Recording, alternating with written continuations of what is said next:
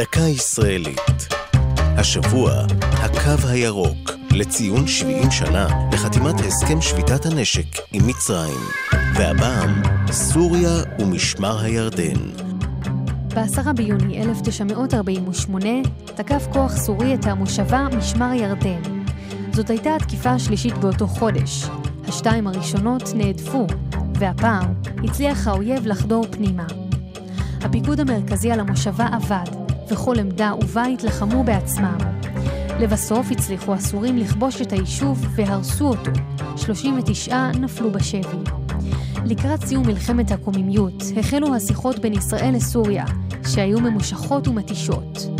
השליט הסורי החדש, חוסני א-זעים, רצה להפגין עוצמה, וצבאו היה הצבא הערבי היחיד שהחזיק בסיום הקרבות, בשטח שנועד להיות בתחומי המדינה היהודית, על פי תוכנית החלוקה.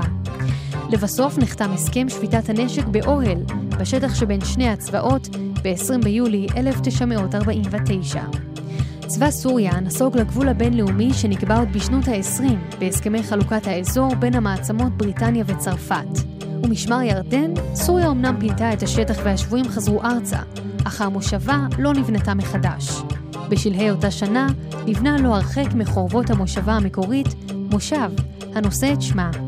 זו הייתה דקה ישראלית על הקו הירוק, סוריה ומשמר הירדן. כתבה נוגה סמדר, ייעוץ הדוקטור מרדכי נאור, הגישה נועם גולדברג.